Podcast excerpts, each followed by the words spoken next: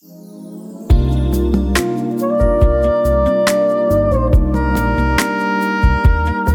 selamat pagi semuanya. Saya Dani Wahyu Menggoro dari Inspirasi Tanpa Batas. Podcast kali ini saya ingin bicara tentang antusiasme atau pada Vibrant 34 itu disebut mengapa Vibrant itu penting atau mengapa Vibrant itu harus kita lakukan pada proses fasilitasi. Kalau kita membicarakan tentang mengapa fasilitasi itu penting, itu kita tahu bahwa di dalam interaksi sosial itu ada power over kan sebenarnya. Jadi ada satu situasi yang terjadi karena peserta masing-masing itu memiliki kuasa gitu. Ya contohnya adalah kalau pada sebuah fasilitasi itu ada misalnya dirjen gitu ya, kemudian ada direktur, ada staff. Maka otomatis sebenarnya adalah ketika direktur dan juga dirjen itu bicara, itu akan menjadi kebenaran kan atau perintah. Maka proses fasilitasi menjadi tidak setara. Karena di dalam proses fasilitasi tugas fasilitator adalah bagaimana menjadikan power over menjadi power with yaitu bagaimana kita saling menghargai bahwa semua orang punya kuasa untuk bicara tidak ada hubungan dengan relasi kuasa yang ada di keseharian. Nah, dengan cara itu bisa dimungkinkan bahwa proses fasilitasi akan menjadi sangat egaliter dan setara sesuai dengan Tujuan dari proses fasilitasi agar ada keputusan atau pembelajaran atau kesepakatan yang betul-betul menjadi hasil dari percakapan yang adil.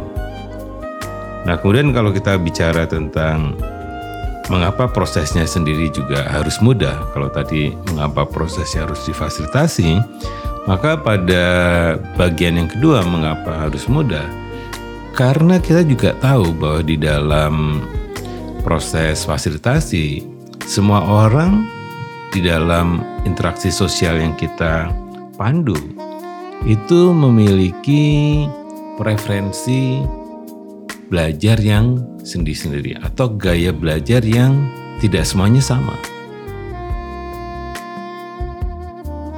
Karena itu kadang kalau pertanyaannya sifatnya thinking, boleh jadi kawan-kawan yang feeling itu akan merasa kesulitan untuk terlibat di dalam proses fasilitasi.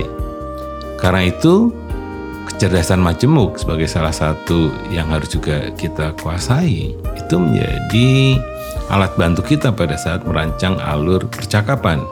Bagaimana kita menciptakan pertanyaan-pertanyaan yang memudahkan Nah, dengan cara ini bisa dipastikan partisipasi semua peserta itu akan optimal. Kalau kita bicara lagi atau bertanya lagi mengapa harus vibrant. Vibrant sendiri adalah bagaimana memudahkan di dalam percakapan tidak cukup hanya dengan pertanyaan saja. Tapi seorang fasilitator itu harus memberikan apa yang disebut dengan tool giver atau alat bantu. Nah, alat bantu ini kalau diciptakan oleh seorang fasilitator, nanti bentuknya menjadi teknik atau metode yang kemudian tujuannya bukan mengaktifasi otak kiri, tetapi alat-alat bantu yang dibuat oleh fasilitator hendaknya mengaktifasi otak kanan kalau otak kiri kita ibaratkan sebagai teks, maka otak kanan adalah non-teks.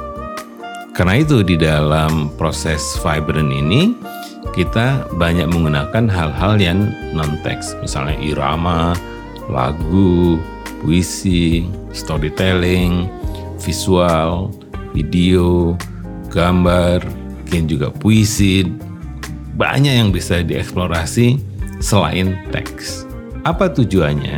Tujuannya membangkitkan antusiasmenya peserta. Nah, antusiasme terjadi pada saat otak kiri dan otak kanan itu secara simultan bekerja untuk merespon apa saja termasuk pengalaman, termasuk analisa, termasuk juga masa depan. Jadi di sini kalau saya ditanya mengapa harus vibrant, karena kita ingin menciptakan antusiasme peserta. Mengapa antusiasme itu penting?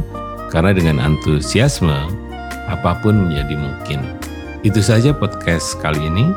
Kita membahas tentang mengapa harus fasilitasi, mengapa harus mudah, dan mengapa harus vibrant. Semoga edisi kali ini bermanfaat.